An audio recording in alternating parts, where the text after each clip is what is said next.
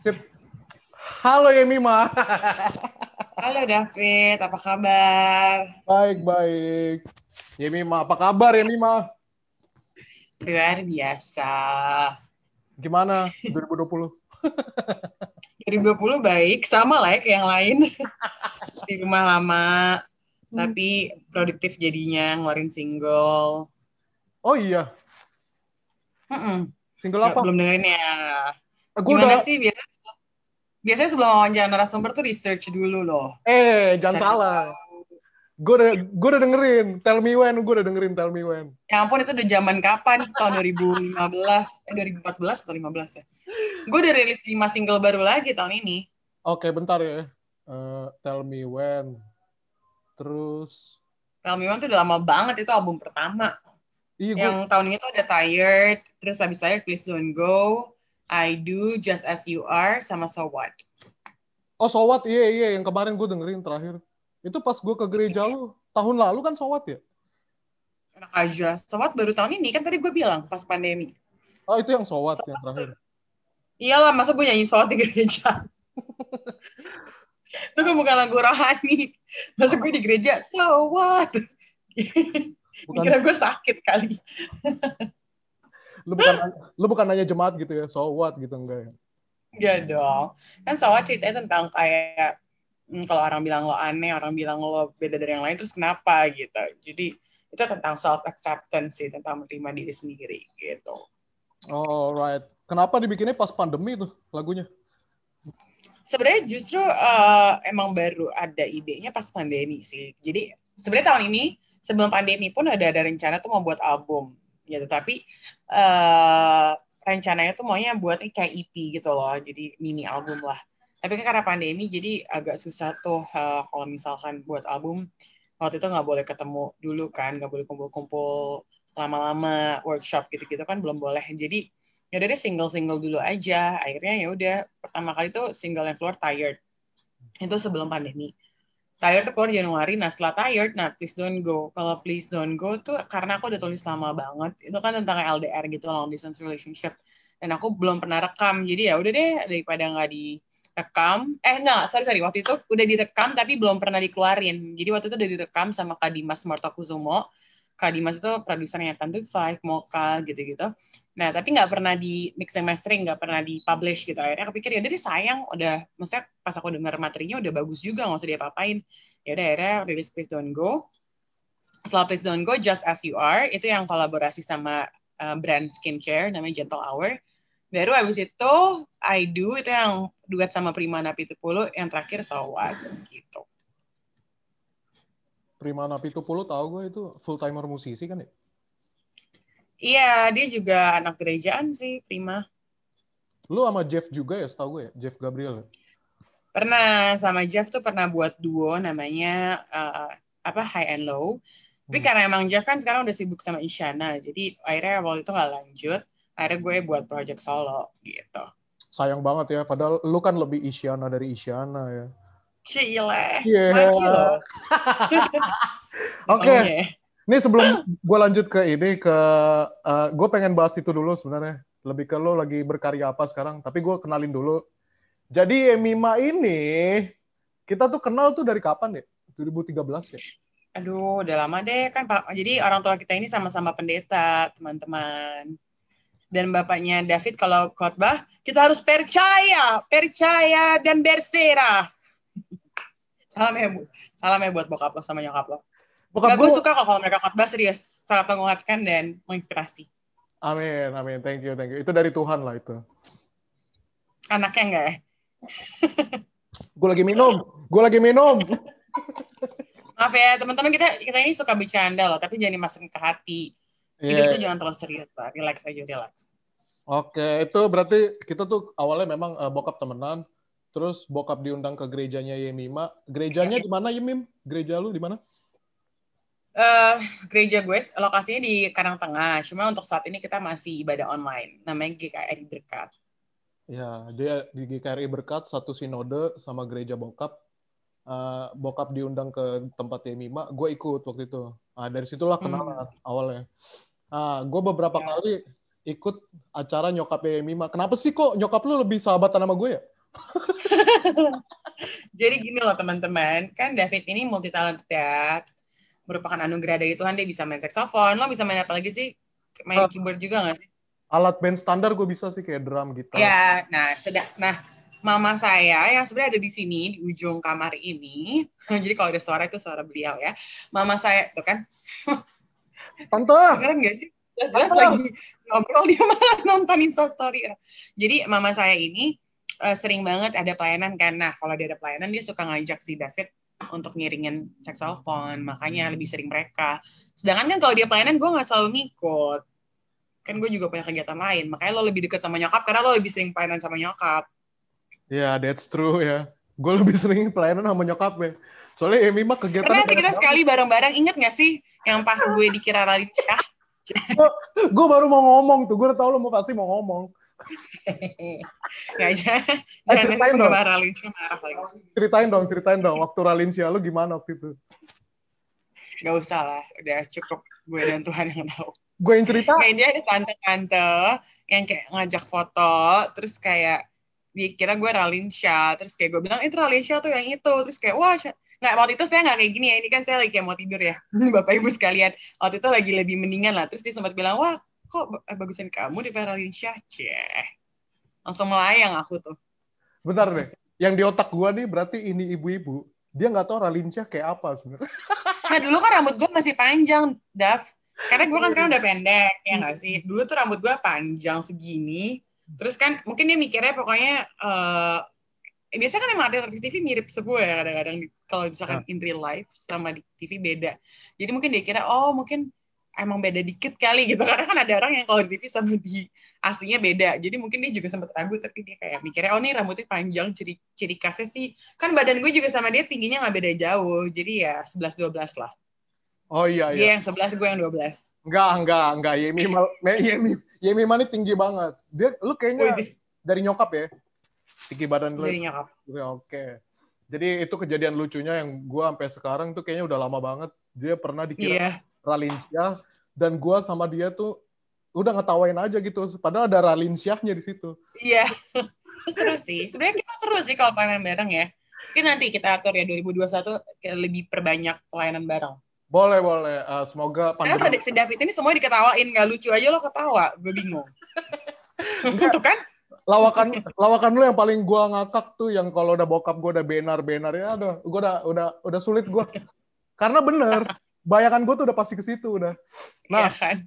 nah terus Yemima ini dia tuh sekarang eh, what you do sih Ma- Yemima eh, sekarang lu kan art eh, penyanyi lu juga pernah jadi Mhm. host lu juga pernah jadi Miss Indonesia itu itu apa sih lu sekarang apa sih sebenarnya lebih ke apa Siapa gue sekarang gitu. Sampai kalau sampai sekarang masih masih nge-host sih. Kalau host sampai sekarang gue masih bawain acara di MNC Music namanya Jukebox sama um, K-Hits. Jadi kayak lagu-lagu Korea gitu.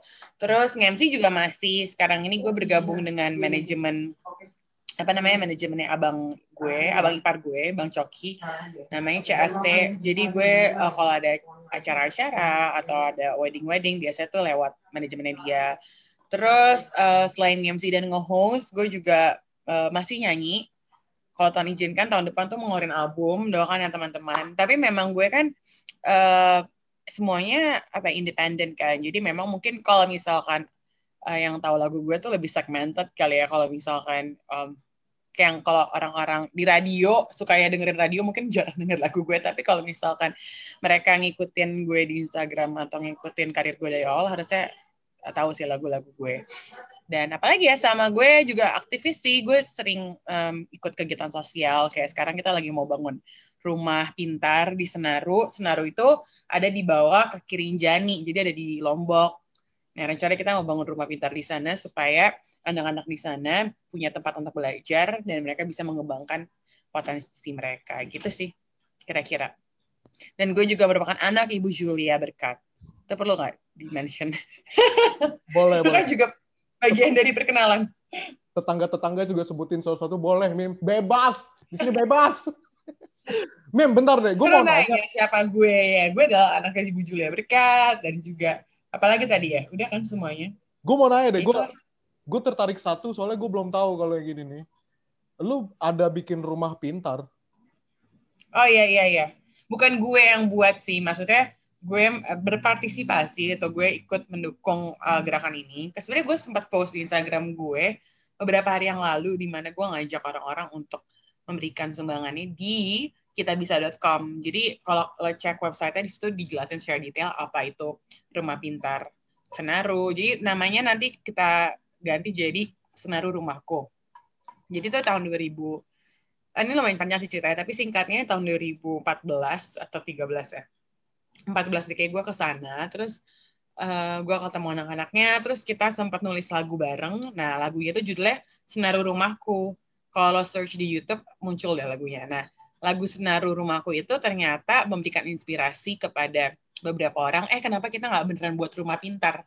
Gitu. Karena kan dari lagunya uh, Senaru Rumahku itu ada kata-kata tempatku berharap, tempatku bermimpi. Gitu. Saat itu anak-anak itu belum punya tempat di mana mereka bisa mengembangkan potensi mereka. Kayak misalkan anak-anak yang suka gambar diajarin gambar. Anak-anak yang suka dance diajarin dance. Nah jadi rumah pintar itu nantinya kayak kayak youth center gitu lah. Kayak tempat mereka mengembangkan potensi mereka tapi lebih ke uh, dari sisi kreatif gitu. Karena kan kalau misalkan PAUD udah banyak di sana sekolah-sekolah formal juga udah ada udah ada. Tapi rumah di mana tempat di mana mereka mengembangkan kayak uh, kreatif side mereka tuh belum ada. Itu sih yang kita mau buat. Gue baru tahu nih, gue belum pernah nih dikasih tahu nih. Ya kan kita udah lama ngobrol.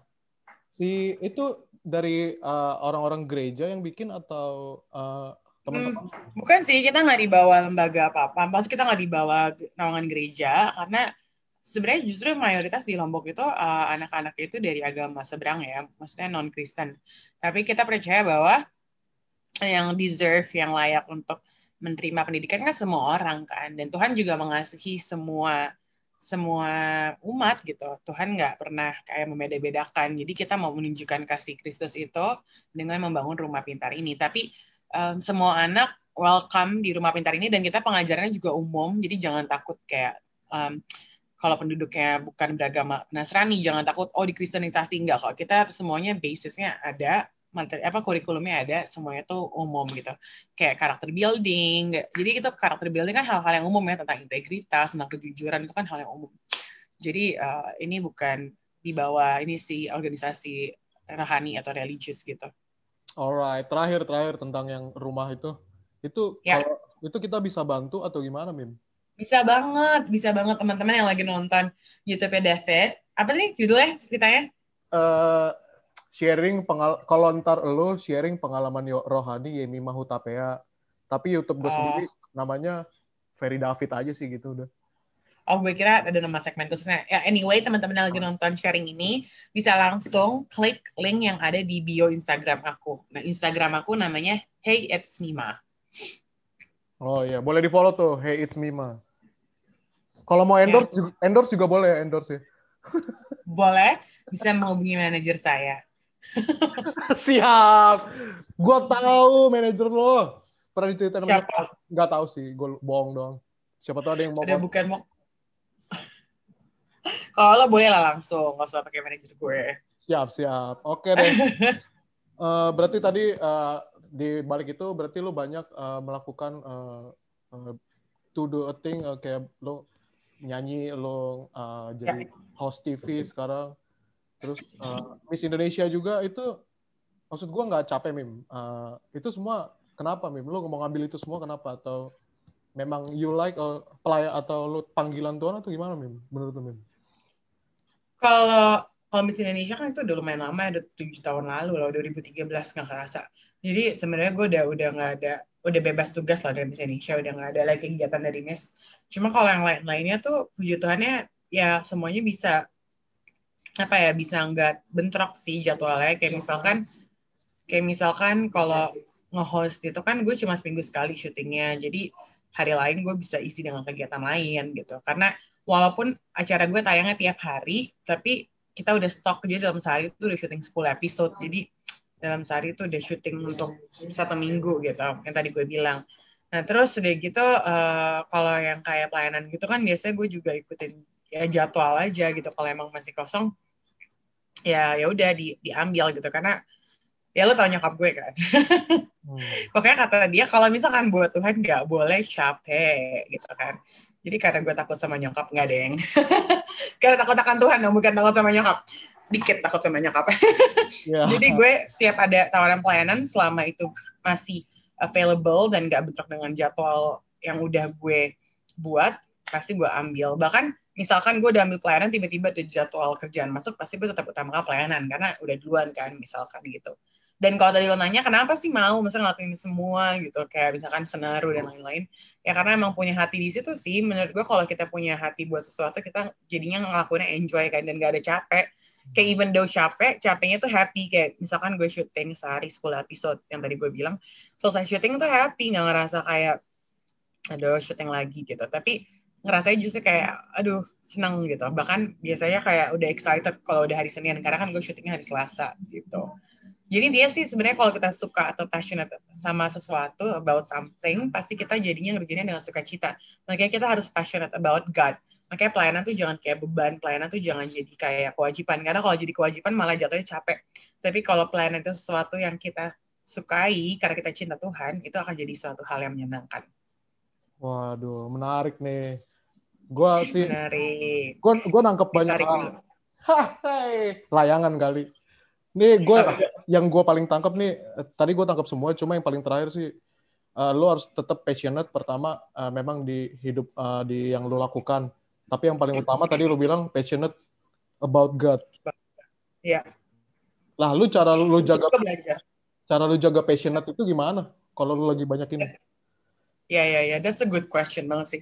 Menurut gue uh, menjaga passion kita buat Tuhan tuh apa ya merupakan tantangan. Karena apalagi lo juga Kristen dari lahir kan? Lo umur berapa sekarang segitu. Delapan ya? Segitu. Ya udah pokoknya anggap lo udah lo udah berpuluh-puluh tahun gitu jadi Kristen kan.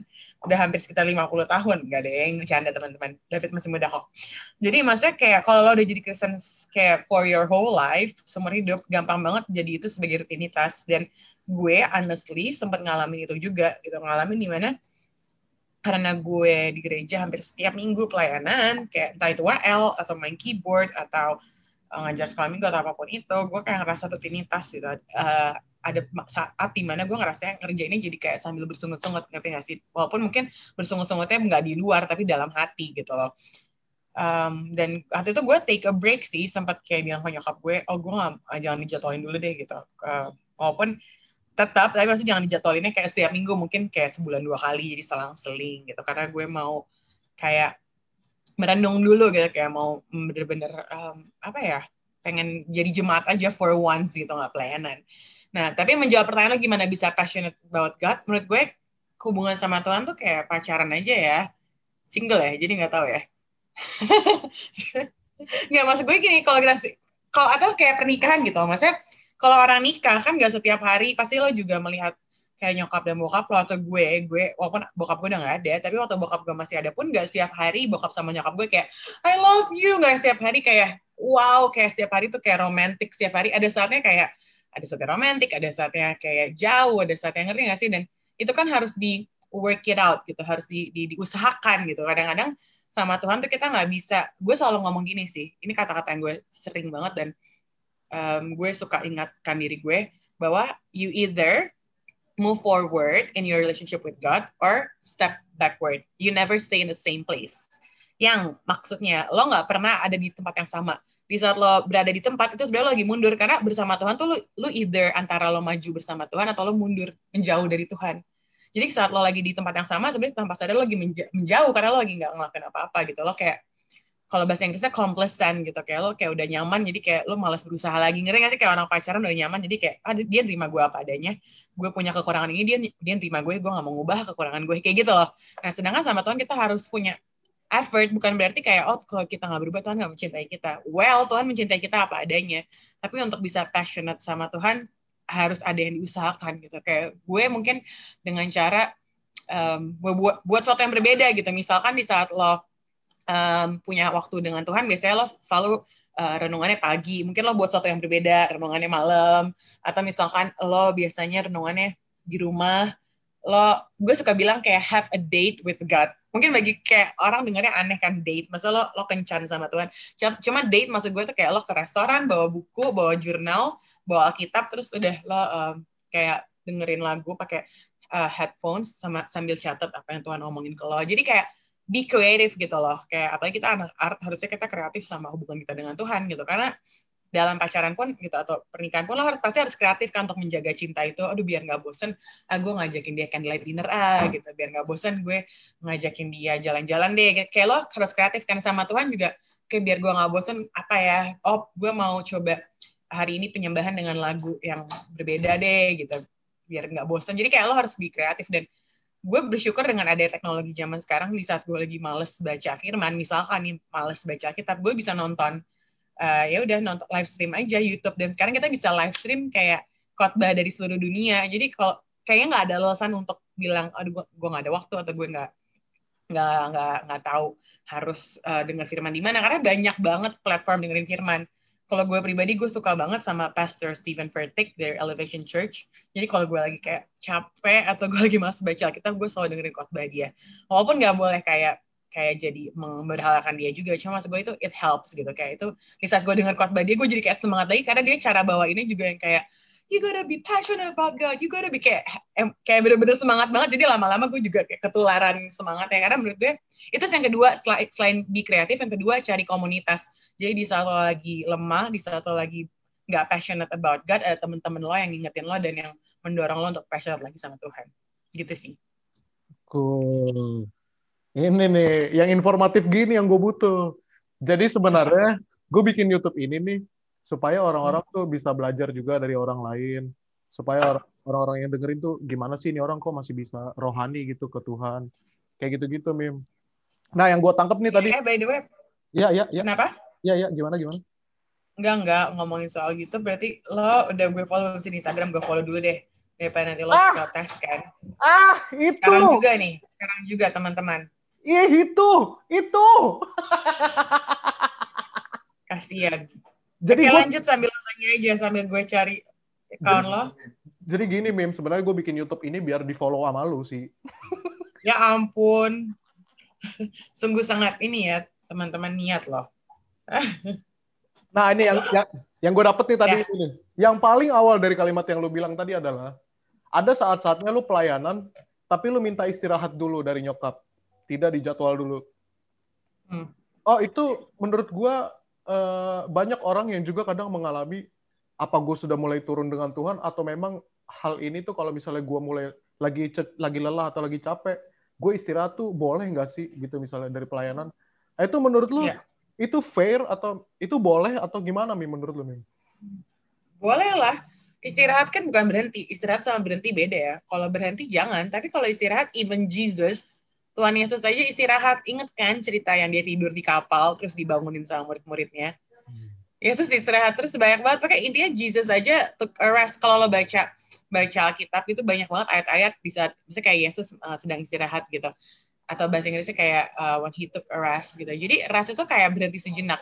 Jadi bedanya rest and quit adalah kalau quit lo berhenti total gitu. Kayak misalkan banyak um, anak-anak Tuhan yang sakit hati sama gereja berhenti total. Tapi kalau istirahat, lo kayak ngambil waktu sejenak. Jadi lo nggak berhenti total gitu. Karena kalau lo nggak berhenti, nanti ada saatnya lo tired, dan lo exhausted, kayak lo bener-bener kayak kelelahan yang sangat-sangat berlebih, dan akhirnya lo malah jadi berhenti.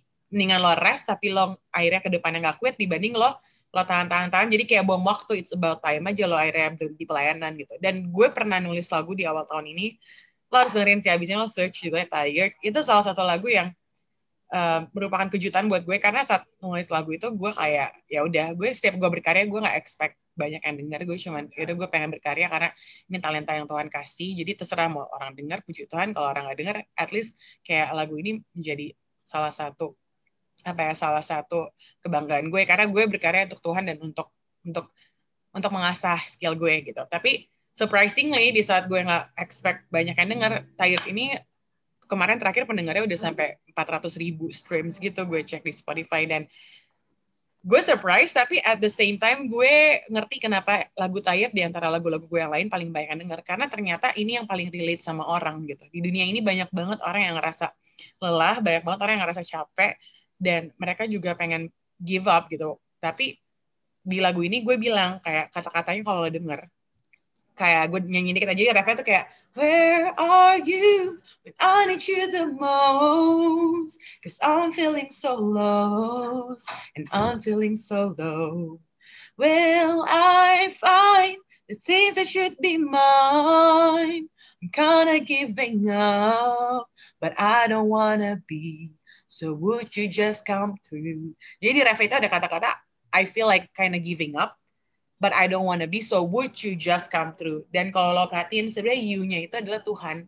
Jadi kalau orang dengerin lagu ini, mungkin orang nggak tahu, kayak mungkin dikiranya, oh ini tired dalam hubungan kali ya, mungkin ini tentang percintaan. Padahal enggak, ini tentang kehidupan. Dan ini kayak lagu ini tuh kayak doa gue kepada Tuhan. Kayak gue lagi ngomong ke Tuhan, waktu itu gue ada di masa di mana gue capek banget. Capeknya tuh lebih kayak, gue sempat kerja kantoran yang, sebenarnya gue suka sih kerjaannya, cuman gue kan kalau disuruh pilih kerja kantoran sama kayak kerjaan MC nge-host gitu-gitu gue lebih suka nge-MC sama nge-host. Tapi waktu itu at time kayak gue ngerasa oh gue butuh income tetap jadi gue mau kerja kantoran aja. Itu another story sih itu kesaksian gue yang lain. Cuma intinya ada masa di mana gue ngerasa gue ngelakuin sesuatu yang gak sesuai passion gue dan gue tired.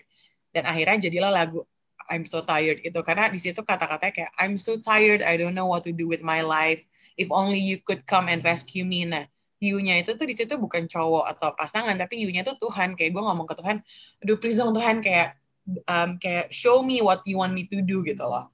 Tunjukkan apa yang lo mau gue lakuin istilahnya gitu. Jadi uh, Tired itu tuh uh, lagu yang menurut gue bisa relate sama banyak orang. Dan tadi untuk menjawab pertanyaan lo gue jadi ngebahas yang lain. Penting gak sih rest penting banget. Karena kalau misalkan lo nggak rest ya jadinya itu kayak ya tired and exhausted itu dan itu bahaya. Dan menurut gue even leaders bahkan gue ngomong ke nyokap gue kayak ya mama juga butuh istirahat. Karena maksudnya kan kalau misalkan yang nggak serumah orang lihatnya kayak nyokap kayak happy terus gitu. Dan emang dia happy terus sih. Maksudnya di rumah pun juga selalu happy. Cuma ada masanya kalau misalkan orang capek dan dia nggak sadar dia capek kadang-kadang keluarnya mungkin bukan dia lelah tapi misalkan gampang marah. Itu kan juga salah satu contoh kita capek.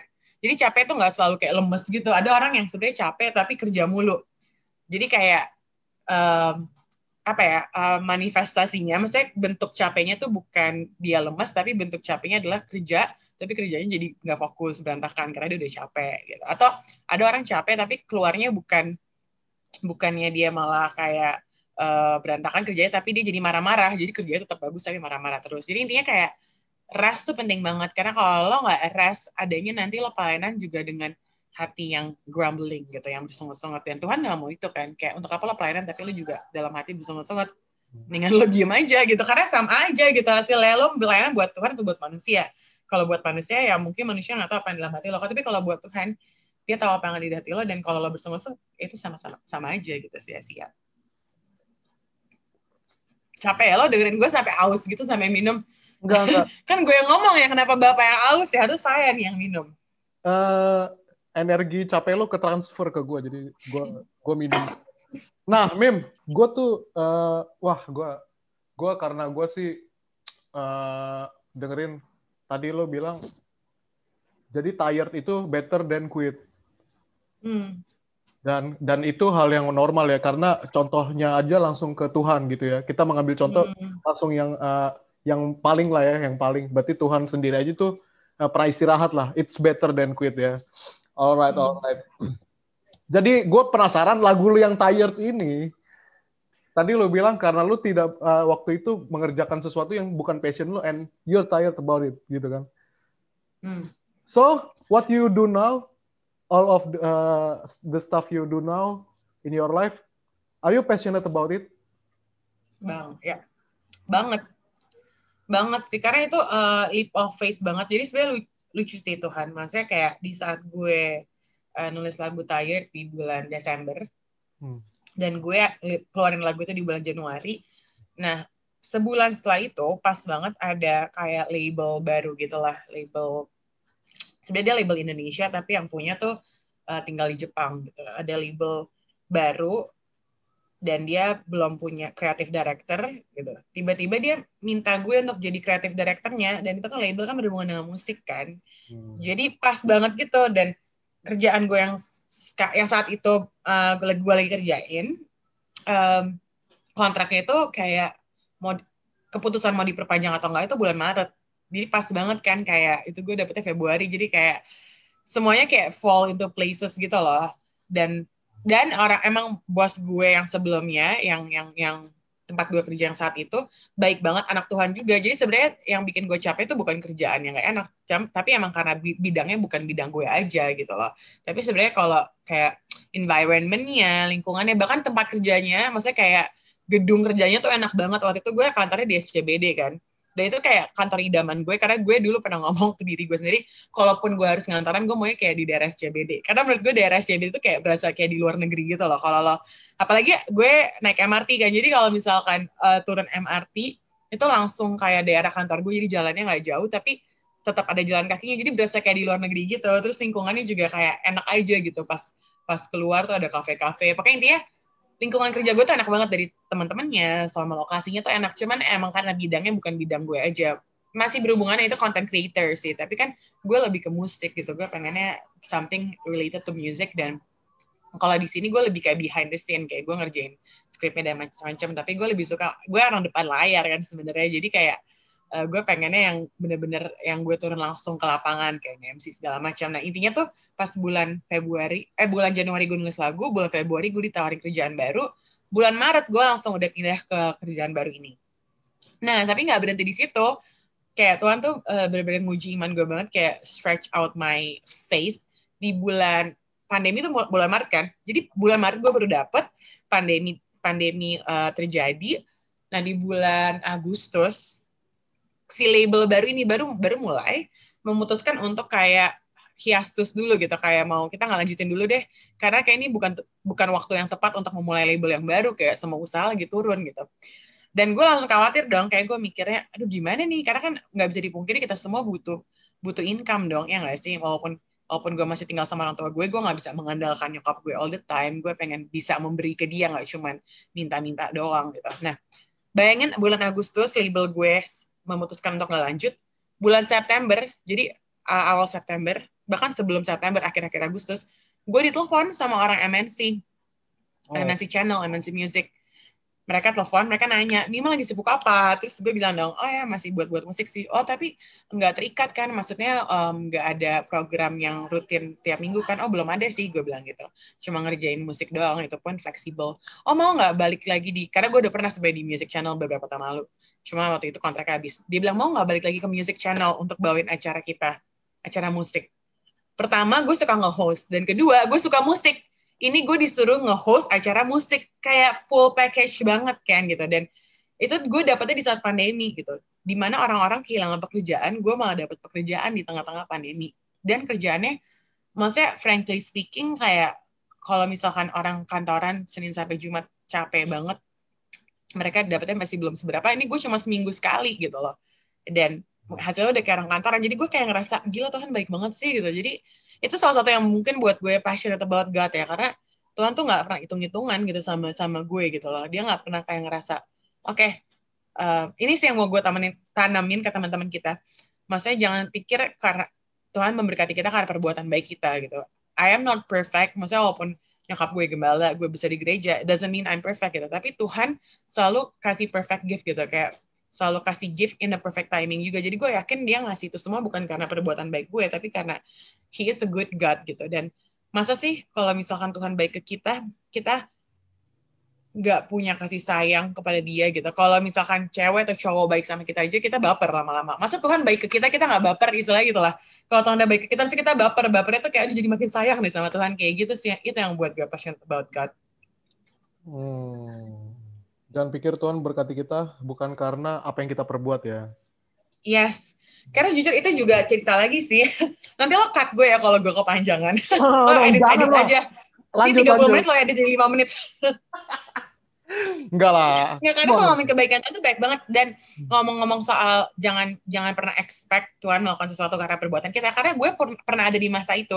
Gue ngerasa kayak anak sulung gitu. Jadi waktu gue ikut Miss Indonesia, oh waktu itu gue masuk ke lima besar ya. Gue cuma sampai third runner up kayak juara empat gitu.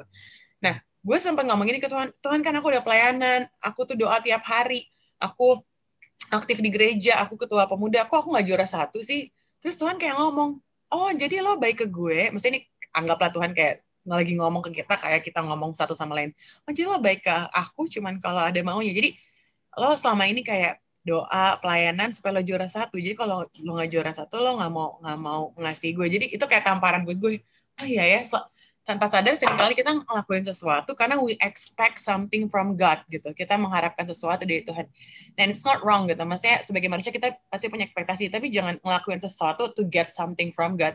Karena sebelum sebelum Tuhan jawab doa-doa kita, dia udah memberikan nyawanya yang which is lebih besar daripada apa pun permintaan kita. Karena kan kalau misalkan dia nggak mengirimkan anaknya mati di kayu salib, kita nggak mungkin ada di sini dan kita udah ada di neraka gitu. Jadi itu sih revelation kayak pewahyuan menurut gue kayak ada beberapa hal yang nggak bisa dijelasin di firman tapi lo harus alamin sendiri karena selama ini gue sering dengar firman tentang kayak oh ya mengasihi Tuhan um, dengan segenap hati gitu tapi ada gue ngerti apa arti segenap hati saat gue selesai ikut Miss Indonesia itu dan saat gue diproses mulai dari situ sih kayak gue bener-bener diproses karena sebelumnya kayak gue cuman kenal Tuhan dari teori aja gitu kayak hafalan Alkitab atau enggak ya teori yang selama ini udah gue sering dengar karena gue sering dengar khotbah di gereja. Tapi setelah ikut Miss Indonesia itu banyak pengalaman-pengalaman yang gue alamin yang membuat gue kayak cinta Tuhan tuh bukan karena oh ya gue emang harus cinta Tuhan, tapi karena based on my personal experience gitu. Dan menurut gue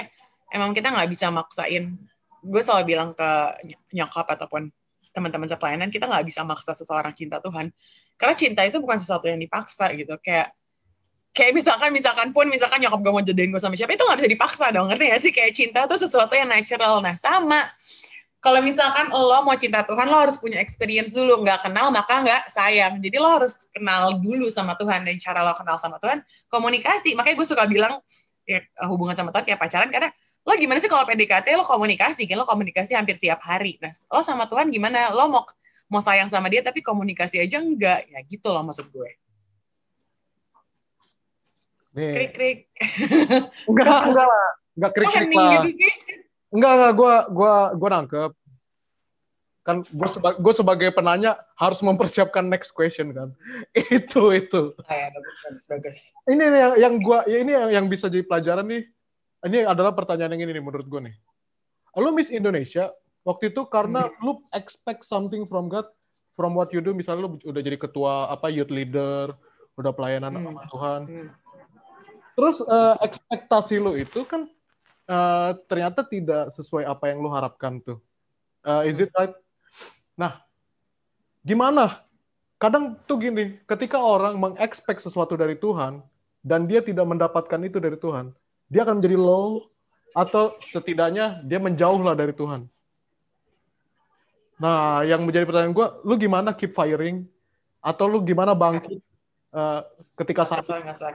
Ya saat nggak ekspektasi ya hmm. ya untungnya jujur gue gue, bakal jujur gue nggak nggak langsung kayak tetap on fire sih ada masanya di mana gue jadi males baca renungan jadi kayak menjauh tapi yang bikin gue tiba-tiba kayak uh, balik lagi ke Tuhan. Istilahnya bukan berarti gue sempat jauh dari Tuhan sih. Cuma intinya jadi kembali on fire with God itu adalah perbincangan gue dengan salah satu kakak rohani gue gitu. Ada namanya uh, Kavina gitu. Dia worship leader dulu di Morningstar Academy. Hmm. sekarang dia udah di US sih. Cuma waktu dulu dia masih di Jakarta dan gue inget banget kita lagi ngobrol di Starbucks gitu. Terus dia ngomong dia cerita ke gue gitu. Kayak dia lagi abis baca buku ini bagus banget gitu. Judulnya Prodigal God gitu Prodigal God itu sebenarnya menceritakan tentang um, prodigal son. Lo tau kan yang di Alkitab tentang anak-anak bungsu yang hilang yang, yang mengambil harta bapaknya terus dia pergi. Nah terus dia lagi cerita ke gue. Ini mungkin gue semoga gue bisa menceritakan ulang sebaik dia. Cuman yang dia ceritain tuh dia bilang kayak gini sering kali kita kayak anak sulung gitu loh. Nah terus gue kayak nggak belum langsung nangkep kan kenapa? gitu. Sering bayangin deh anak sulung itu pada saat si adiknya pulang kan dipestain kan terus pada saat dipestain dia marah. Dia bilang kenapa lo kenapa sih bapak nggak pernah ngasih ini ke saya? Nah di situ seolah-olah kayak oh selama ini ternyata lo nggak kabur dari rumah karena lo pengen sesuatu. Ngerti gak sih? Jadi bukan karena dia sayang sama bapaknya dia tinggal di rumah itu tapi kayak dia pengen sesuatu dari bapaknya juga gitu. Dan gue selama ini nggak pernah nyadar kalau gue tuh seperti kayak anak sulung itu. Yang pada saat dia ngomong gitu itu relate dengan keadaan gue saat itu. Oh iya ya gitu maksudnya kayak kalau di saat kita nggak misalkan di saat kita marah, di saat kita nggak dapat jawaban doa kita, berarti yang kita sayang tuh bukan Tuhan ya, tapi berkat-berkatnya. Dan itu dalam banget menurut gue, karena sering kali kita bilang love God, tapi kita bukan love God-nya, tapi we love God's blessing. We love God's gift. We love God's miracle. Lo isi sendiri God apa. Jadi kayak bukan Tuhan ya, tapi lo suka hadiahnya, suka mujizatnya, suka kesembuhan darinya. Jadi bukan Tuhan ya, itu yang kayak buat gue kayak peng gitu kayak oh ya yeah, bener ya. Seringkali gue kayak anak sulung gitu karena di, apalagi di saat gue di saat kita ngomong oh kan saya udah gini gini gini gini. Berarti kayak kita ngerasa we deserve gitu. Kita layak untuk dapat hal-hal itu gitu. Dan itu yang membuat gue kayak ya yeah, gue kayak anak sulung gitu dan sebenarnya justru ya kita saat kita dengar cerita anak sulung dan anak bungsu yang lebih menyedihkan bukan anak bungsu tapi anak sulung. Karena selama itu dia tinggal sama bapaknya tapi ujung-ujungnya malah dia yang terhilang. Karena dia bukannya bersyukur adiknya pulang tapi dia malah ngerasa kayak kok gue nggak dipestain kayak dia sih? Gitu. Jadi kayak selama ini ternyata hadiahnya tuh bukan kehadiran bapaknya tapi hadiah yang sesungguhnya dia pengen pesta kayak adiknya gitu sih. Itu menurut gue dalam banget oke. Itu sesuai dengan apa yang dia, sesuai apa yang dengan yang dia bilang waktu itu. Kayak gitu juga persis. Persis. Dia, dia ceritain sih ceritanya. Dia ceritanya pakai bahasa Inggris gitu. Cuma itu kira-kira translatannya kayak gitulah karena bukunya juga uh, dalam bahasa Inggris. Cuman mungkin kalau kalian cari uh, terjemah Indonesia-nya ada ya. Itu yang nulis Timothy Keller dan Timothy Keller kan emang terkenal banget kan penulis banyak buku kan kayak hmm. dia juga ada nulis tentang apa sih banyak deh Preaching. tapi yang Prodigal God itu gue suka banget uh, kayak gue ada deh cuman nggak nggak di sini nanti gue tunjukin deh itu bagus banget itu Hah, lo kayak satu buku cuman bayangin deh itu kan Prodigal God kan kayak di Alkitab tuh ada dua pasal kan paling Matius Markus nanti. Uh. Pokoknya cuma ada ya kan dua pasal tiga pasalnya. Ya, tapi di buku tapi satu buku tuh cuma ngebahas soal prodigal itu prodigal. Sebenarnya kan prodigal son tapi judulnya Prodigal God bukunya. Karena nanti dia akan jelasin kenapa judulnya itu menarik banget sih. Gue suka banget. Tim Keller ya. Kebetulan gue lagi ada tugas dari dosen ngebahas bukunya Tim Keller. Jadi dia tuh yeah khotbah dia ada buku namanya preaching tentang berkhotbah nah itu oh. expository itu gue lagi uh, ini emang tim Keller bagus kok puji Tuhan bagus bagus deh. banget bagus banget pokoknya gue tuh suka banget baca buku kan sebenarnya hmm. jadi gue suka buku-buku yang gue suka tuh Timothy Keller Francis Chan terus uh, aduh ada waktu itu siapa ya um, apa Burns gitu nama belakangnya Burns pokoknya terus ada juga si ini uh, Leslie Ludy Eric and Leslie Ludi nanti gue kasih listnya deh. Dan itu salah satu balik lagi ke pertanyaan lo sebelumnya, cara gue kayak passionate about God, kayak baca, selain baca Alkitab, baca buku-buku yang ditulis oleh orang-orang yang dipakai Tuhan tuh juga buat kita jadi passionate loh. Karena di saat gue kayak baca buku buku-buku mereka, gue jadi kayak diingatkan kembali, oh the reason why I'm doing what I'm doing gitu loh. Kayak dari dulu tuh sebenarnya impian gue tuh bukan jadi penyanyi atau host atau MC walaupun gue suka hal itu tapi gue pengen jadi misionaris gitu karena gue suka banget ke pelosok-pelosok suka banget ke ya ke daerah-daerah dan hmm. sampai sekarang tuh itu masih ada di mimpi gue dan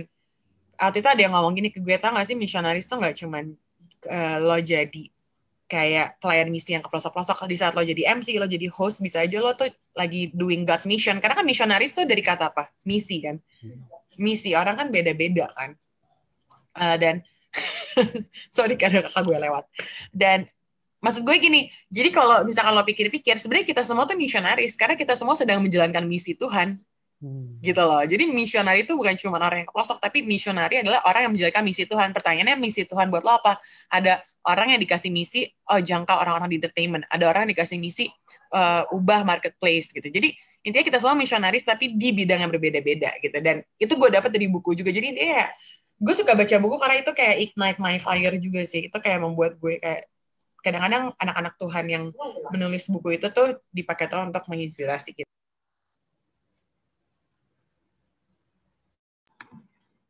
Ya kenapa gue jadi ikutan mute juga ya? Oke. Uh, gue nih gue nih dari yang tadi lo ceritain lu ketemu apa lu ngobrol sama kakak rohani lu lu dikasih yeah. tentang cerita tentang yang anak bungsu itu. Yang mau jadi pertanyaan gue adalah kalau kita lagi down misalnya kita lagi ada uh, pengalaman atau uh, mungkin uh, kita sedang lelah dengan Tuhan atau mungkin doa kita belum terjawab sama Tuhan dan kita juga udah lelah gitu. Hmm.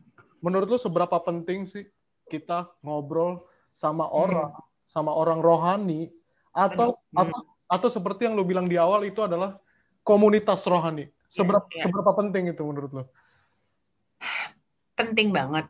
Tapi sebelum lo datang ke orang, datang ke Tuhan dulu. Karena ada bedanya cerita sama nyampah lo mau keselak lagi ya? Dengerin dulu. Lo pernah gak sih ketemu orang yang kerjanya komplain mulu?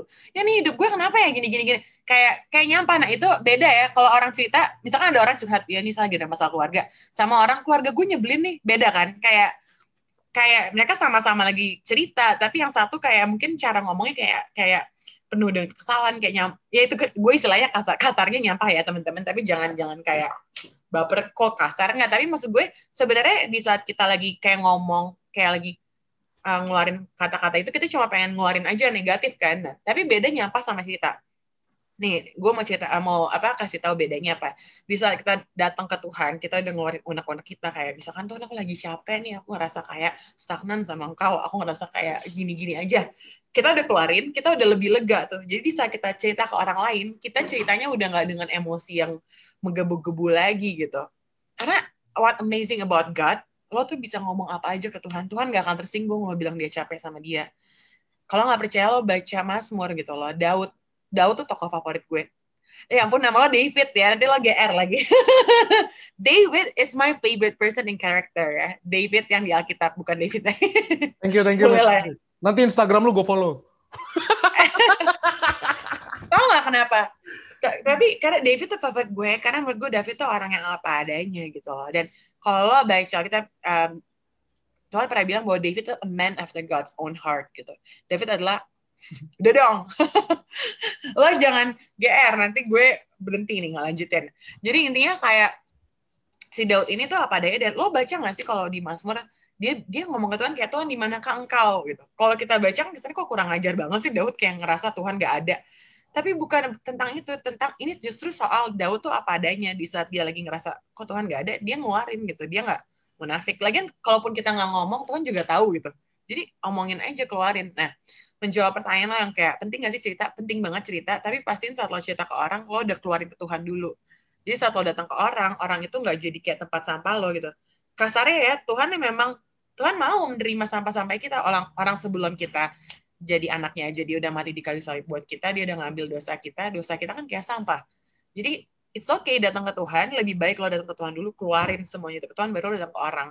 Karena gue juga pernah mengalami di saat gue lagi lelah tapi gue datang ke Tuhan gak ke Tuhan dulu tapi ke orang lain dulu. Hmm. yang ada gue malah jadi kayak kecewa di saat orang ini nggak memberikan jawaban yang gue inginkan gitu. Tapi kalau udah datang ke Tuhan terus lo baru cerita ke orang kayak lo cerita ke orang ini cuma untuk sharing aja gitu. Lo lo nggak menjadikan orang ini sumber kekuatan lo. Karena emang nggak ada yang bisa memberikan kita kekuatan beside God gitu loh. Kayak lo jangan berharap kayak di saat lo cerita ke orang itu bukan soal um, yes ada orang yang bisa memberikan kekuatan. Tapi di saat lo cerita ke, ke orang tuh sebenarnya lebih untuk kayak kita being open gitu. Kayak orang tahu keadaan kita jadi orang bisa doain kita gitu. Karena menurut gue doa is very powerful dan gue bersyukur banget sih maksudnya kayak sekarang bisa kita ngobrol ini gue jadi nyadar kayak gue tuh punya banyak kakak rohani yang menurut gue luar biasa banget. Kayak Kak Christopher Tapi Heru dari istrinya Kak di Chandra Dinata kayak di Pati Nasarani jadi Kak di Olowan jadi kayak orang-orang ini ditaruh di dalam hidup gue for a reason gitu. Kayak dulu karena gue dulu ketua Yus jadi kan gue sering ngundang mereka jadi pembicara kan.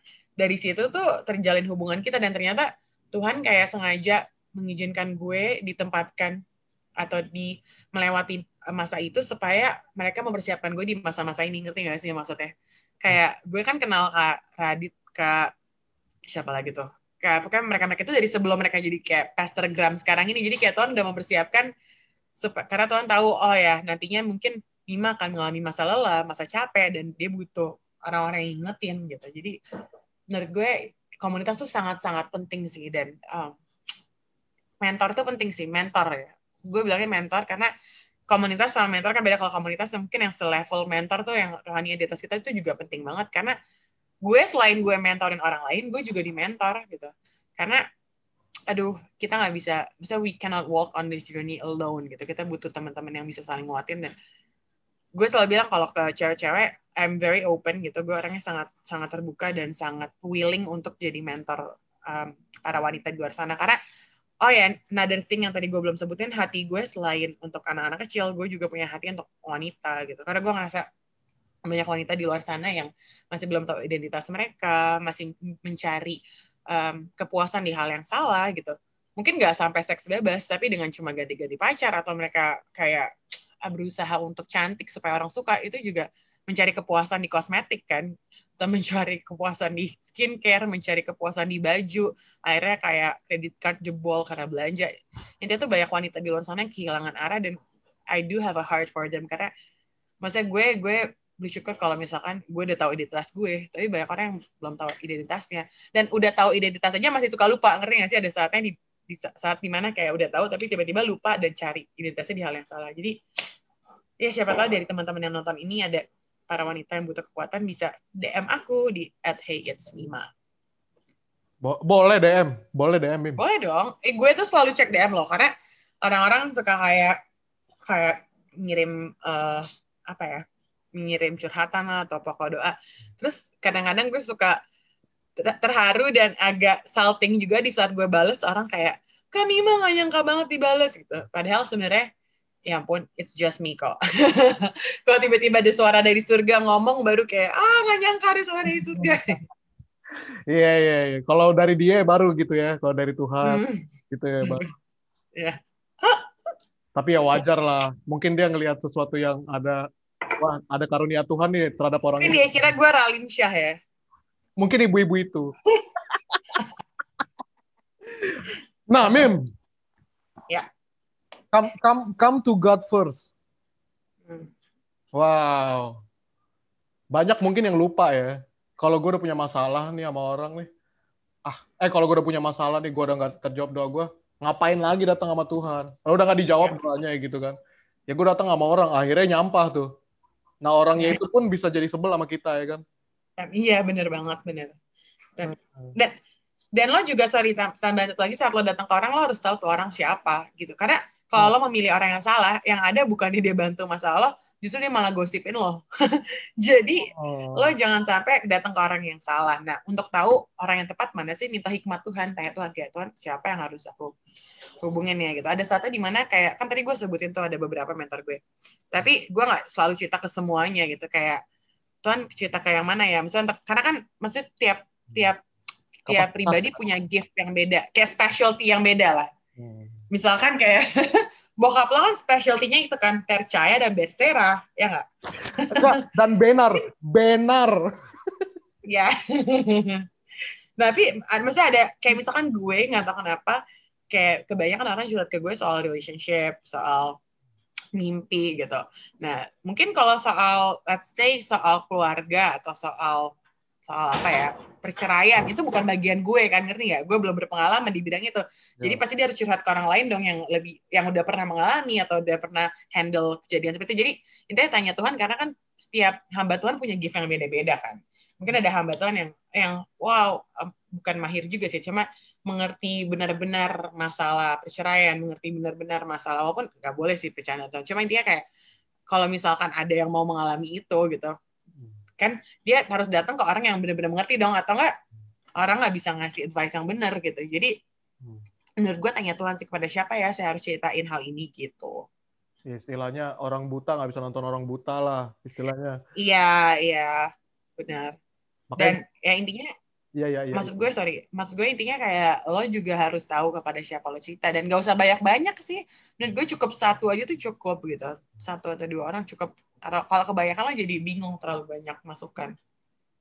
Oh, terlalu banyak masukan malah uh, ke banyak jalan buntu ya. Mendingan satu tapi jelas gitu ya.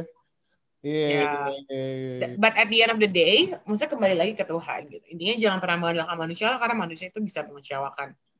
Tapi Mem, yang mau jadi gua tanya tuh sebenarnya, kan dia udah capek sama Tuhan nih. Misal pun gue nih udah capek sama Tuhan nih, gue udah males nih gue mau kata tadi lo bilang God first tapi God not doing anything jadi ngapain lagi gue ke God langsung aja ke orang Nah, gimana hmm. gimana menurut lo? Lo yang sesuai atau pengalaman lo mungkin gimana gimana caranya lo tetap God first? Ya. Yeah. Well, in some cases kalau emang dia udah benar-benar kayak skeptis sama Tuhan gitu, udah benar-benar kayak aduh gue udah gak percaya sama Tuhan lagi. Gue percaya Tuhan bisa pakai anak-anaknya sih. Jadi kalaupun lo nggak come to God first, let's say lo malah datang ke orang, Tuhan bisa pakai tuh orang untuk membawa lo kepada dia gitu. Jadi ini kan gue menyampaikan untuk orang-orang yang masih percaya Tuhan, orang-orang yang masih masih apa ya, masih believe in God dan masih kayak nggak belum belum belum pasrah kayak gue nggak percaya Tuhan lagi gitu.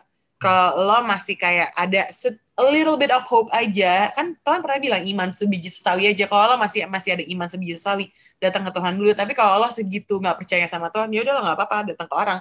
Siapa tahu orang itu bisa dipakai Tuhan untuk membawa lo kembali padanya gitu. Oke.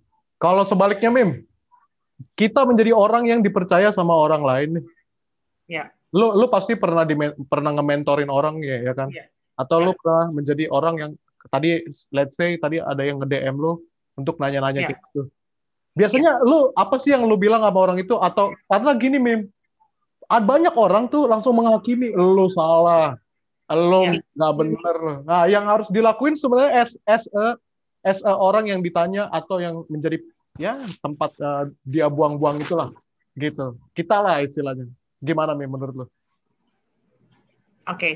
gue gue nggak tahu gue dapat dapat pengajaran dari mana ini udah lama banget, tapi gue udah menerapkan ini kayak as long as I remember selama gue hidup kayak gue selalu menerapkan ini. Jadi di saat orang curhat ada tiga tahap nih. Hmm. Pertama orang tuh selalu mau di, didengarkan. Jadi yang pertama mendengar. Jadi selama dia ngomong lo jangan kayak apa ya salah atau jangan kayak dikat-kat terus mendengar. Yang kedua kayak menerima kayak iya sih emang benar sih gitu. Lo terima dulu. Karena orang tuh senang diterima. Kalau dia dari curhat misalkan, iya gue bener sama nyokap gue gara-gara gini. Lo sih lo tuh harusnya nggak gini. Udah dia udah langsung defensif tuh, langsung kayak merasa nggak nyaman. Tapi iya sih wajar sih lo marah. Itu yang kedua lo nerima dulu. Kayak lo bukan setuju tapi kayak nerima. Kayak iya sih. Jadi dia kayak ngerasa eh, gue diterima nih. Gue gue diafirmasi. Kayak gue dikonfirmasi. Nah yang ketiga baru baru menasihati oh. jadi bukan mengajar tapi menasihati dan menasihatinya ini yang yang mungkin bisa jadi uh, apa ya jadi jadi alat untuk membawa dia kepada Tuhan oh, menasihatinya iya. tuh bukan bukan kamu harus gini-gini bukan bukan apa yang harus dia benerin tapi eh thank you udah cerita ke gue tapi tau gak sih sebenarnya yang paling bisa ngasih jawaban tuh Tuhan jadi lo bawa dia ke Tuhan coba deh lo doa ke Tuhan nah jadi gue selalu di dalam um, di dalam leadership kepemimpinan gue atau di di dalam uh, mentorship gue di saat gue mentorin orang kalau dia curhat misalkan curhatin soal cowok ya kebanyakan kalau gue kan mentoringnya cewek-cewek kan karena gue punya prinsip kalau cewek sama cewek cowok sama cowok gitu hmm. nah kebanyakan tuh kalau cewek curhatnya kan soal uh, hubungan ya. Gue selalu nasihatin mereka gini. Pertama, uh, ada hal-hal yang umum yang prinsipal yang udah nggak bisa diganggu gugat sih. Misalkan kayak oh pasangan harus seiman itu udah nggak bisa diganggu gugat. Terus ada gitu kayak pasangan yang bertanggung jawab, pasangan yang menghormati kita itu udah nggak bisa diganggu gugat. Nah tapi ada hal-hal yang misalkan dia anak Tuhan nih kak, tapi nggak disetujuin sama orang tua saya, pak. Cuman karena rasnya berbeda. Nah, itu kan suka ada dilema kan. Gimana yeah. nih hormatin Tuhan atau eh, hormatin orang tua atau gimana karena di satu sisi nih orang nggak salah kecuali orang tua nggak setuju karena dia beda agama. Nih orang udah seiman, anak Tuhan, anak baik gitu. Jadi beda-beda sopan tapi beda-beda ras. Apakah kita langsung ngelawan orang tua? Nah, itu hal-hal kayak gitu kan harus didoain. Gue nggak bisa kasih jawaban karena kasus yang sama bisa uh, treatmentnya beda. Ngerti nggak sih? Ada misalkan lima orang kasusnya sama pacaran dengan orang yang seiman tapi beda ras. Nah, tapi belum tentu jawabannya tuh sama karena with God nggak ada kayak satu tambah satu sama dengan dua, dua tambah dua sama dengan empat. Hmm. Kayak beda-beda gitu. Ada yang mungkin uh, di satu kasus, oh ya dia harus berani melangkah walaupun orang tuanya nggak setuju gitu. Tapi di satu kasus ya lo harus kayak lepasin pasangan lo. Jadi intinya kayak kasus yang sama bisa bisa cara handle beda-beda. Nah itu selalu kalau kayak gitu gue kasih jawabannya lo tanya Tuhan gitu. Karena gue yakin pasti Tuhan akan kasih kasih kasih jawaban dan Tuhan akan kasih damai sejahtera sih. Lo bisa bedain damai sejahtera yang lo buat-buat sama damai sejahtera yang memang dari Tuhan gitu. Kayak misalkan soal apa lagi ya? Tadi soal hubungan. Sekarang soal panggilan gitu. Dia merasa terpanggil untuk sekolah teologi ya, tapi papa mamanya nggak setuju gitu. Padahal ini sekolah Alkitab. Nah ada orang yang yang ternyata Tuhan maunya ya udah lo sekolah bisnis dulu nggak apa-apa ikutin orang tua lo. Ada yang juga nggak apa-apa deh lo orang tua lo nggak setuju tapi lo pikul salib. Jadi intinya kayak hal-hal kayak gitu kan itu nggak bisa gue kasih jawaban kan itu lo harus tanya Tuhan nah itu selalu gue bilang ke mereka doa mungkin kesannya kayak standar banget sih doa gitu tapi again kita harus sebalikin orang itu ke Tuhan gitu. Jangan kita menuhankan diri kita sendiri. Nanti kayak oh ya lo kalau ada masalah ke Mima aja dia akan kasih jawaban. Jangan gue mau goal gue goal gue adalah di saat orang ada masalah dia langsung refleksi datang ke Tuhan gitu. Jadi gue gue cuma sebagai pengarah aja. Istilahnya kayak kalau di jalan gue kayak kayak sign-nya doang. Tapi jalan tolnya tuh Tuhan gue bukan jalan tol. Gue cuma papan sign doang gitu. jadi itu sih yang paling penting. Jadi 3 M mendengar menerima dan menasihati. Jadi kayak contohnya misalkan tadi orang curhat soal mau kuliah teologi ya? Ya nih orang tua gue gak setuju. Iya sih. Sedih sih pasti kalau orang gak setuju. Jadi lo iyain dulu karena orang seneng tuh kalau udah iyain. Terus baru setelah itu tapi wajar sih kalau orang tua gak setuju. Pasti kan dia mau yang terbaik. Mungkin dia mikirnya kalau lo teologi lo gak ada pemasukan. Jadi kayak nasihatin pelan-pelan terus mending lo doain. Jadi intinya kayak itu penting banget sih. Karena menurut gue kekurangan sorry to say ya kekurangan uh, pemimpin yang udah lebih berumur lebih tua-tua adalah mereka nggak mendengar. Kadang-kadang orang belum selesai cerita misalkan anak muda cerita nih baru setengah cerita jalan cerita, ceritanya baru kayak misalkan ada tiga paragraf baru paragraf pertama udah dinasehatin gitu. Harusnya selesaiin dulu ceritanya terus diiyain. Kadang-kadang mereka dengerin tapi abis mendengar langsung dinasehatin. Enggak harus menerima dulu karena setiap manusia tuh butuh acceptance gitu. Dan ini gue juga belajar karena gue gue pun suka hal yang sama di saat gue lagi cerita ke orang. Gue nggak pengen abis gue cerita tuh orang langsung nasehatin. Gue pengennya orang kayak iya sih bener sih ya gue setuju sih sama lo. Jadi kayak oh yes dia on my side seolah-olah gitu. Baru setelah itu nasehatin. Dan saat lo ngelakuin itu di saat lo menerima dulu baru nasehatin jadinya nasihat lo diterima. Tapi kalau lo nggak menerima nasihat lo jadi kayak membal gitu kayak bola tenis nggak masuk. Tapi kalau lo nerima dia dulu di saat lo nasihatin dia itu kayak istilahnya kayak bowling kayak boleh kayak strike kayak langsung hancur hatinya langsung nerima semua itu gitu. Berarti... seru ya karena gue juga suka psikologi loh Dav. Gue oh. suka banget mentoring orang. Sebenarnya itu gift gue sih salah satu gift gue. Kenapa kayak gini ngobrol bisa lama? Gift gue tuh lebih one on one gue nggak bisa gue juga suka preaching tapi kalau misalkan ngobrol kayak one on one gini gue bisa lebih lama dibanding kayak acara kumpul-kumpul arisan ibu-ibu. Gue nggak fokus kalau kayak gitu orang ngajak gue ngomong. Makanya kalau nyokap gue lagi kumpul-kumpul ya hmm. ya gue seneng sih nemenin dia. Cuma gue kalau misalkan ayo melayani anaknya tante ini tapi di dalam keadaan yang rame gitu gue nggak bisa fokus. Mendingan kalau emang dia mau dilayani ya udah ayo kita ngopi bareng misalkan anaknya tante siapa gitu berdua. Hmm. karena kalau di acara kayak rame-rame gitu gue orangnya gue nggak bisa yang kayak fokus gitu. Jadi itu salah satu gift gue gue suka suka mentoring. Oh karena memang kalau gue lagi sama dia di acara-acara kebutuhan atau pelayanan gitu, kadang jarang sih ngobrol-ngobrol yang serius gini ya. Kadang ngelawak yeah. ngelawak-ngelawak aja ya. Sampai bete ngelawak. banget kan gue juga suka bercanda ya teman-teman.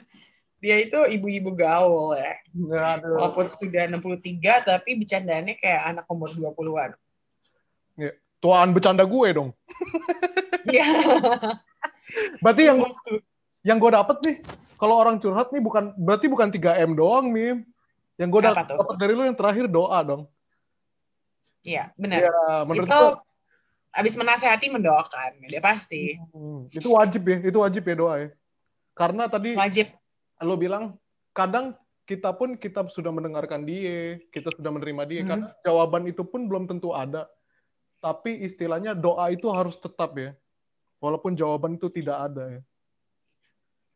Ya, dan um, ini, ini salah satu kebiasaan orang Indonesia ya. Lo pernah gak sih kayak orang minta doa itu sebelah, eh, oke okay, nanti gue doain, tapi lo gak doain. itu bukannya basa-basi ya namanya. nah itu dia maksud gue sekarang gue punya kebiasaan baru gue dan kakak gue siap ada orang bilang ya doain ya besok aku ujian kita langsung ya supaya nggak lupa oke kita doain ya gitu langsung doain saat itu juga gitu atau enggak kalau misalkan nggak usah di depan orang ya saat saat kita ingat kita langsung doain gitu. Jadi kita nggak cuma basa-basi karena um, bukan berarti kalau kita lupa doa Tuhan nggak dengar gitu, tapi kan kita harus punya integritas. Kalau kita bilang iya ya harus dilakuin dong gitu. Jadi itu lebih ke integriti sih. Dan gue belajar itu dari kakak gue juga. Jadi setiap bahkan kalau di telepon misalkan orang telepon, eh kak doain aku dong gini gini gini. Uh, abis dia mati teleponnya langsung dia doain. Jadi kayak kita benar-benar say what we mean and mean what we say gitu. Wah gila lo, kayaknya benar-benar punya hati penginjil ya. Bahkan orang yang gak lo kenal aja. Ah, langsung ada kayak cahaya di sini gitu ya. Ah. Enggak, enggak. Itu itu berlebihan. Cahayanya di sini, di sini. Tapi jujur itu sih. Apa? Ya, ya maksudnya itu, itu jadi doa gue juga. Maksudnya kayak gue tuh yang tadi gue bilang, gue punya hati misionarik dan mentoring. Gue yakin banget, maksudnya gue gue gak mau terlalu uh, apa namanya me, uh, kayak nyebar-nyebarkan ini, tapi gue kayak karena ini pas banget tuh lagi bring up this topic, kayak in the future lo bisa doain juga ini jangan cuma basa-basi doain sekarang juga. kita berdoa sekarang. In the future I do I do see myself gitu loh kayak gue lagi berdoa ke Tuhan gitu kayak um, walaupun sekarang gue masih masih aktif di music channel nonton dong lo kalau pakai The Vision di channel 111 hari apa? Jam berapa? Tiap hari jam 7 malam sama jam setengah sembilan nih sekarang lagi tayang nih pas kita ngobrol Weh, Nyokapnya di, lagi nonton tuh di kamar di ini ada tayang ulangnya di YouTube gitu Nah, itu kan uh, acara musik kan, nggak bisa dimasukin ke YouTube karena kena copyright. Oh, karena iya, kan, iya. Uh, uh. boleh Jadi boleh. Kalau mau, ntar gue tonton dan ini bukan bahasa basi. Awas ya, buka aja Insta, follow aja Instagramnya at mnc.musictv. But ya. anyway, gue emang sekarang masih di situ kan. Cuman in the long run gitu, untuk jangka panjang, gue lagi berdoa ke Tuhan, Tuhan, aku pengen sekolah misi deh gitu. Tapi sekolahnya di luar gitu, karena dari dulu tuh gue pengen banget sekolah di luar cuma karena gue anak paling kecil. Jadi kayak nyokap tuh very protective kan lo juga anak paling kecil kan. Dan sekolah di luar kan nggak nggak murah ya masa ada biayanya. Dan dengan nyokap gue yang sekarang ini single parent plus menggembalakan sebuah gereja di mana kebanyakan orang gereja kita juga masa yang menengah ke bawah di mana kita ya kita harus justru memberikan ekstra gitu. Jadi kayak untuk sekolah di luar tuh gue nggak bisa membebani nyokap gue lagi. Kalau emang mau sekolah di luar ya gue harus nabung gitu. Dan gue pengen sih gue kayak bilang lagi doa ke Tuhan pengen sekolah misi kenapa sih pengen di luar gitu? Kenapa nggak di sini? Karena gue pengen punya journey pribadi sama Tuhan. Kayak kalau di sini gue masih kayak bisa mengandalkan keluarga gue gitu. Tapi gue pengen kayak ngalamin lucu ya orang kan nggak mau susah tapi gue justru pengen ngalamin kayak tau gak sih kalau di luar sendiri terus nggak ada duit terus kayak mengandalkan Tuhan aja kayak gitu loh. Gue pengen kayak ngalamin masa itu. Mandiri? Dan uh, mandiri, mandiri mungkin? Iya iya sih. Karena gue maksudnya gue uh, dari kecil sampai sekarang kayak deket banget sama keluarga gue dan gue hampir nggak pernah tinggal sendiri kan. Kayak almost all my life gue selalu sama orang tua gue gitu. Kakak gue yang pertama Kak Randi pernah waktu itu cuma berapa bulan di Australia. Abang gue yang kedua pernah sekolah misi di New Zealand. Terus kakak gue yang ketiga Kak Sisi pernah sekolah di Singapura. Bahkan dia bukan cuma di Singapura tapi dia sempat tinggal lama di Bali jauh dari keluarga. Dan gue ngerasa kayak mereka semua udah punya personal journey di mana kayak it's just me and God gitu. Cuma gue gue belum ada gitu dan gue pengen banget sih ada journey. Bukan berarti harus oh kalau mau ada personal relationship harus di luar enggak. Cuma itu kerinduan gue aja kan orang-orang orang boleh punya kerinduan yang berbeda-beda kan. Ada orang kerinduannya sekolah teologi, ada kerinduannya ke Israel atau apa. Gue kerinduannya gue pengen sekolah misi. Jadi bukan teologi ya. Kalau teologi kan berarti STH. Ini sekolah misi, jadi nggak yang nggak ada title cuman kayak tiga bulan di training, tiga bulan dikirim-kirim ke mana-mana gitu-gitu. Pengen sih. Ya kalau nggak next year dua tahun lagi sih, doain aja. Dua tahun lagi. Oke oke ya. oke. Ini planning yang bagus, jadi harus kita doain. Ini yang nonton nih, tolong jangan basa-basi ya. Ada nggak sih yang nonton? Gak ada, Mim. ini sebenarnya sebenarnya cuma untuk ini aja ya apa namanya ini uh, uh, modus operandi sebenarnya ini untuk YouTube biar ngobrol aja gitu jadi sebenarnya nggak diupload ke YouTube parah nih kalau sampai kayak gitu ini gue upload ini nggak upload beneran kan ini bakal ditonton kan teman-teman share like and subscribe ya ini gue mau masukin ke ibadah streaming tanggal 25 Oh ya ampun serius maafin ya tante Om. Enggak lah enggak lah gila kak. Enggak lah enggak lah. Ini ya, kalau misalkan di, di ibadah umum dari tadi kita bahasanya nyeleneh gitu kayaknya nggak sopan banget maaf loh tante Om. Kirain ini untuk YouTube. Aduh. Lo masuk di Instagram juga dong. Sekarang kan orang-orang juga kebanyakan nontonnya di Instagram. Oh iya iya. Uh, jadi gue nanti uh, masukin YouTube-nya tapi potongan klipnya yang uh, oh, iya, iya. buat ini nanti gue masukin Instagram. Udah ada gak sih sebelumnya atau gue tamu pertama? Coba gue lihat. Enggak, enggak. Udah berapa ya? Udah dua. oh iya, iya, ini gue lihat. lu tamu pertama yang paling seru lah. Sorry ya tamu-tamu.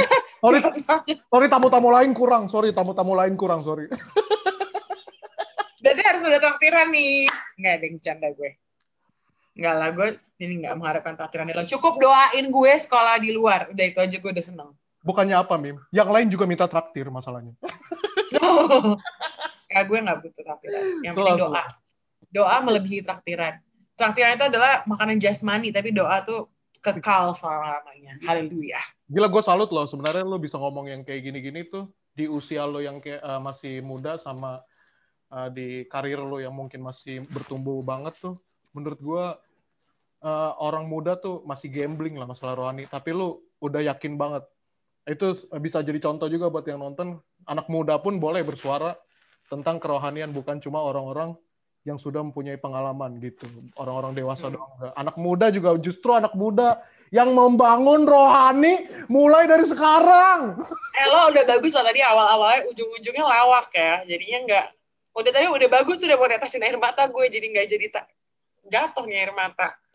Nah tapi serius deh maksud gue gini um, apa ya gue nggak perfect, gue jauh dari sempurna. Tapi kalau gue aja bisa punya hubungan sama Tuhan, gue yakin pasti Tuhan juga mau punya hubungan sama lo gitu. Karena Tuhan tuh nggak milih-milih kayak, oh saya hanya mau bicara sama anak-anak saya yang suci yang nggak pernah berdosa enggak.